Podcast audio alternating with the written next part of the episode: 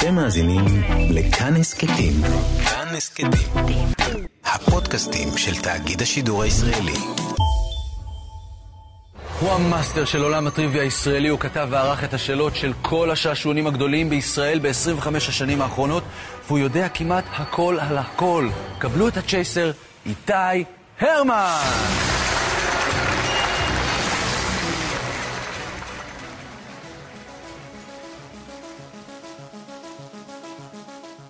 היי, אני איתי הרמן.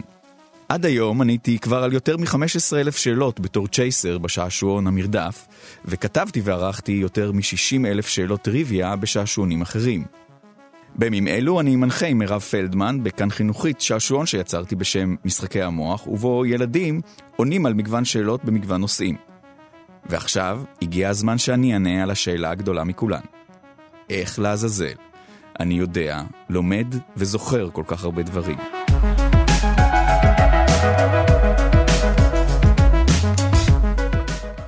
בפרק הקודם של משחקי המוח ההסכת, דיברתי על זה שחשוב לייצר כמה שיותר הקשרים, אסוציאציות במוח. היום אני יודע להגיד שאני עושה את זה כל הזמן מילדות. רק מאז שנהייתי הצ'ייסר בטלוויזיה, התחלתי להיות ממש מודע לטכניקות של ההקשרים שאני משתמש בהן, אז ניסיתי לחשוב איך וממתי התחלתי עם זה. הלכתי הכי אחורה בזמן שאני זוכר, ואני חושב שמצאתי את נקודת ההתחלה.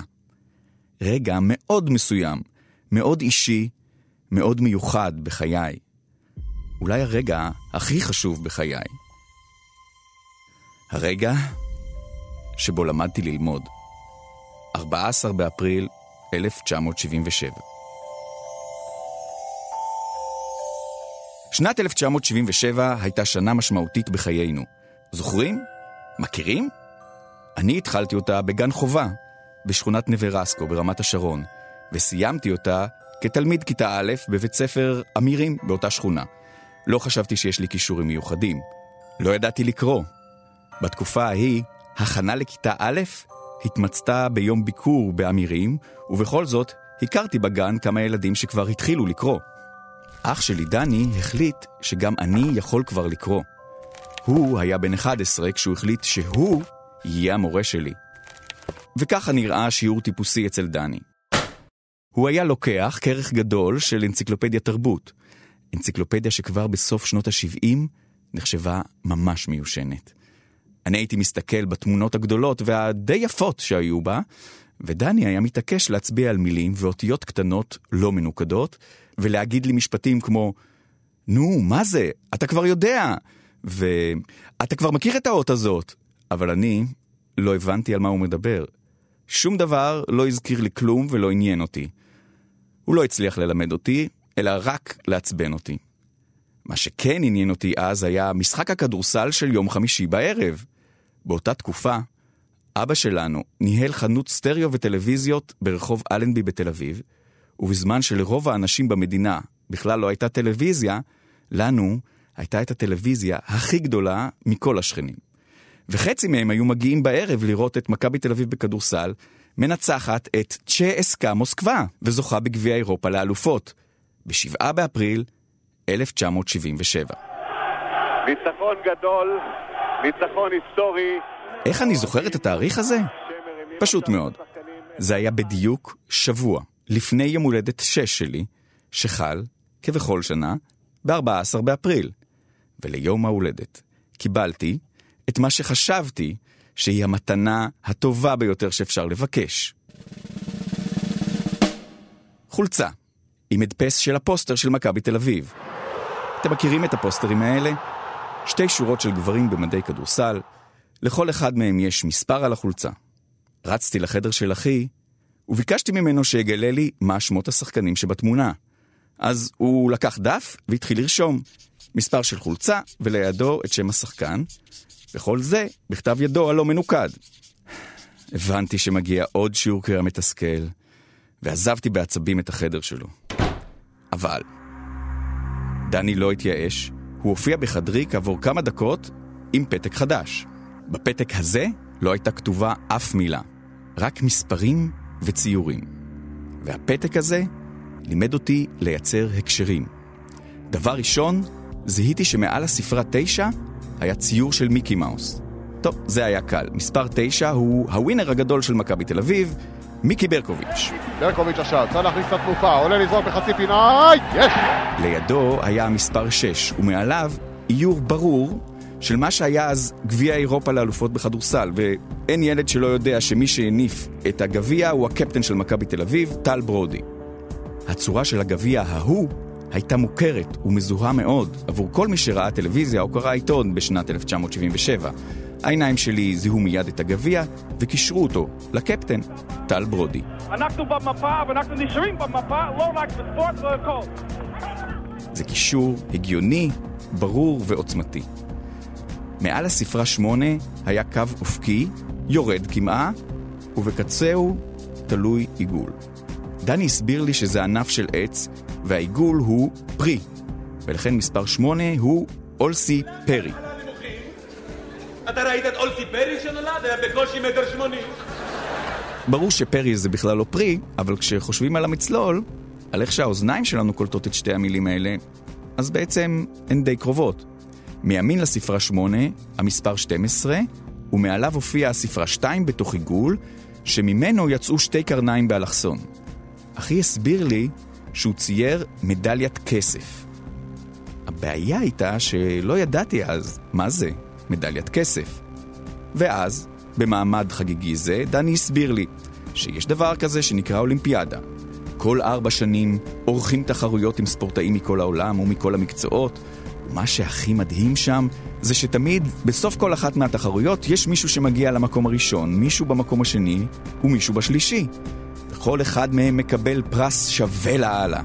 מדליה. המקום הראשון זוכה במדליית זהב, המקום השני במדליית כסף, ומכיוון שכסף באנגלית זה סילבר, שם השחקן הוא... לו סילבר. אני מספר את הסיפור הזה לא רק כדי להסביר לכם איך אני זוכר שמספר 12 של מכבי תל אביב היה לו סילבר. אני אומר יותר מזה. בכל פעם שיש חלוקת מדליות באולימפיאדה או בתחרות אחרת, אני חוזר לרגע ההוא, החשוב ההוא, ליום הולדת שש שלי, ליום שלמדתי שיש בכלל דבר כזה מדליות באולימפיאדה. והכל בזכות מספר 12 של מכבי תל אביב.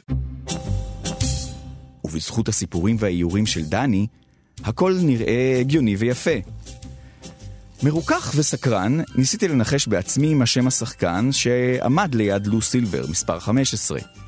האיור שמעל 15 היה נראה כמו האות ר' ששוכבת על הפינה שלה, אבל כיוון שאז לא ידעתי אפילו לזהות את שמות האותיות, זרקתי ניחוש. דני, יש במכבי שחקן שקוראים לו בומרנג? לא, זה לא בומרנג. אז אולי גרב? איך אומרים גרב באנגלית? אין שום קשר לגרביים. דני הסביר שמספר 15 הוא ג'ים בוטרייט, ולכן הוא צייר לי בוטן. הנקודה ה-1200 של ג'ים בוטרייט בגביע אירופה. ככה בכלל לא נראה בוטן, מחיתי. זה מפני שאתה חושב על הבוטנים בקערת הפיצוחים, אמר דני. תחשוב איך נראים בוטנים בטבע. לא ידעתי שיש בוטנים בטבע. בוודאי, אמר דני, איך אתה חושב שהם הגיעו לקערת הפיצוחים? לא יודע, אמרתי, אמא מביאה אותם מהמכולת בשקית אה, או בקופסת שימורים? אבל איך הם הגיעו לקופסה, אתה לא יודע. הבוטנים שאתה מכיר צמחו מתחת לאדמה. הם סגורים וגדלים בזוגות, ומה שמגן עליהם בתוך האדמה זו קליפה קשה שנקראת תרמיל. וככה נראה תרמיל של בוטנים.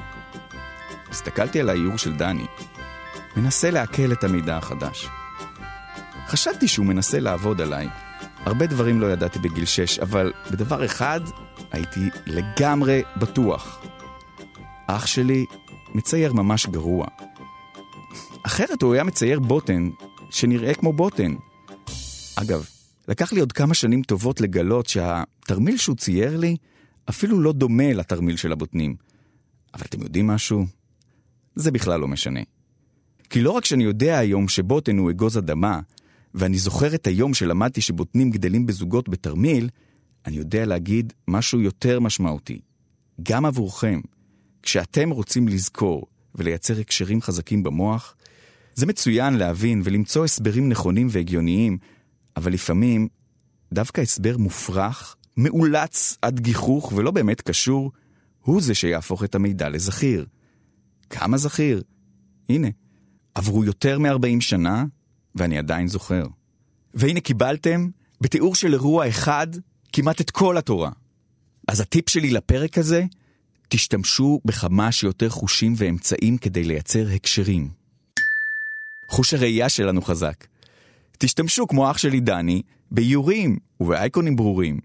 תשתמשו גם בשמיעה, עוד חוש חשוב, כי רק האוזן שלנו יכולה לסדר פרי עם פרי ובוטן עם בוטרייט. שלבו בהקשרים הסברים הגיוניים ונכונים עם הסברים לא קשורים ומופרכים. מה שעובד בשבילכם באותו רגע. ולא משנה בני כמה אתם, בני שש או בני תשעים ושש, תמיד אפשר לייצר הקשרים שיעבדו בשבילכם. כי כשאני הלכתי לישון בליל יום ההולדת השישי שלי, הייתי מן הסתם עדיין מתוסכל מזה שאני לא מצליח ללמוד לקרוא. לא הבנתי בכלל שהצלחתי ללמוד באותו יום את השיעור הכי חשוב בחיי. למדתי איך ללמוד. אולי לא הבנתי את זה אז, אבל תנו לי לספר לכם עכשיו איזה הבדל הרגשתי ביכולות הלימוד שלי כשעליתי לכיתה א'. חלפו ארבעה וחצי חודשים מאז יום ההולדת שלי, וכשקמתי בבוקר הראשון בספטמבר 1977 ליום הלימודים הראשון בבית הספר, הייתי בוודאי מלא חששות. בכלל, אני זוכר שהדימוי העצמי שלי היה נמוך מאוד. לא הרגשתי שאני מוצלח במה שחשוב לילדים בגיל הזה. ידעתי שאני לא חתיך, שאני חלש, ושאני ממש גרוע במשחקי כדור ובספורט. רק בריצה הייתי די בסדר, הרי הייתי צריך לברוח כשיש מכות. פחדתי שירביצו לי. גם לא ידעתי שיש לי הפרעת קשב וריכוז. בכלל, בשנות ה-70, אני לא חושב שמישהו ידע מה זה הדבר הזה, ואותי אבחנו רק בגיל 28. וכשהתחלתי את כיתה א', למדתי לקרוא מהר מאוד, תוך פחות מחודש. אבל לכתוב, זאת תמיד הייתה בעיה. לא רק שלא הייתי מספיק להעתיק את הכל מהלוח, את המעט שהצלחתי להעתיק, לא הצלחתי לקרוא. הכתב שלי היה בלתי קריא לחלוטין. הוא גם בלתי קריא לחלוטין היום. אבל אני זוכר שהחלטתי לעשות משהו אחר. אני מודה, הייתי ילד טוב. אז החלטתי שאני אשב בכיתה, לא אפריע, רק אקשיב למורה. אנסה להבין ולזכור דרך השיטות שלמדתי מאחי. באסוציאציות, בדמיון, בסיפורים, בדימויים. לכתוב רק את מה שיזכיר לי על מה המורה דיברה, בכמה שפחות מילים. מתישהו שמתי לב שלמורה שלי יש מנהג מוזר. לא הבנתי את המנהג הזה. לקראת סוף כל שיעור היא הייתה שואלת את הכיתה שאלות. שאלות שהיא שאלה לפני 20-30 דקות, הסברים שהיא נתנה ממש לפני כמה רגעים. זה היה נראה לי מטופש, אבל בכל זאת, תמיד הייתי מצביע. מתישהו התרגלתי לכך שכל מורה שאי פעם לימדה אותי, תתחיל להגיד בשלב מוקדם כלשהו של השנה את המשפט הבא. אני לא רוצה לראות כל הזמן את אותם ילדים מצביעים. הבנתי שהיא מתכוונת אליי. לא רק אני, גם החברים שלי לכיתה הבינו את זה. ודווקא הבריונים של הכיתה אף פעם לא רצו להרביץ לי, הם רצו לשמור עליי. את המשפט, הרמן, אם מישהו מציק לך, תגיד לנו, נטפל בו. שמעתי יותר מפעם אחת במהלך שנות בית הספר. גם המקובלים רצו להיות חברים שלי ולשחק איתי. הם היו מתקשרים אליי כשלא הבינו משהו בשיעורי הבית או כשהתכוננו למבחן. ואני הרגשתי שהמעמד החברתי שלי הולך ומשתפר ככל שאני צובר יותר ויותר ידע. התחלתי לפתח תאווה לידע. כל יום אחרי הצהריים הייתי הולך לחוג העשרה אחר. בגיל תשע התחלתי לקרוא עיתון כל יום, כמעט את כולו. בבית הספר הייתי אומר לעצמי שאני חייב להבין את החומר, כי לא יכול להיות שיש משהו שבן אנוש הבין לפניי, שאני לא יכול להבין בעצמי. אני רק צריך למצוא דרך להתחבר לחומר, כמו שאחי הצליח להתחבר אליי דרך ציורים והסברים מופרכים. כשהייתי מחוץ לבית הספר, שמתי לב שאני יכול ללמוד עוד הרבה דברים. כל עוד אכפת לי מהם, ואני משתוקק ללמוד אותם, כי הם נורא מסקרנים אותי. בלי לשים לב, הייתי מייצר הקשרים, דרך אסוציאציות, נימוקים הגיוניים וסיפורים דמיוניים, ומשתמש בכל החושים, כמו שלמדתי מאחי, כשהייתי בן שש. ויש עוד הרבה דברים שאני זוכר ממש מצוין, בזכות סוג הקשרים אחר לגמרי. לא בגלל שהייתי חייב, ולא בגלל שהייתי סקרן. היה שם משהו אחר, עוצמתי יותר מכל תשוקה.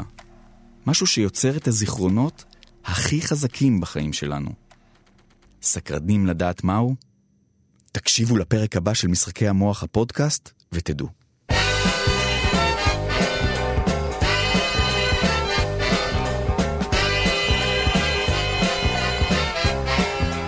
ועד שתגיעו לפרק הבא, נסו לחשוב. האם גם לכם יש זיכרון ילדות רחוק, שבו אתם זוכרים גם איך ומתי למדתם משהו חדש?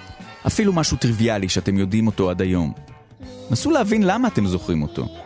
אני בטוח שמדובר בסיפור מיוחד עבורכם.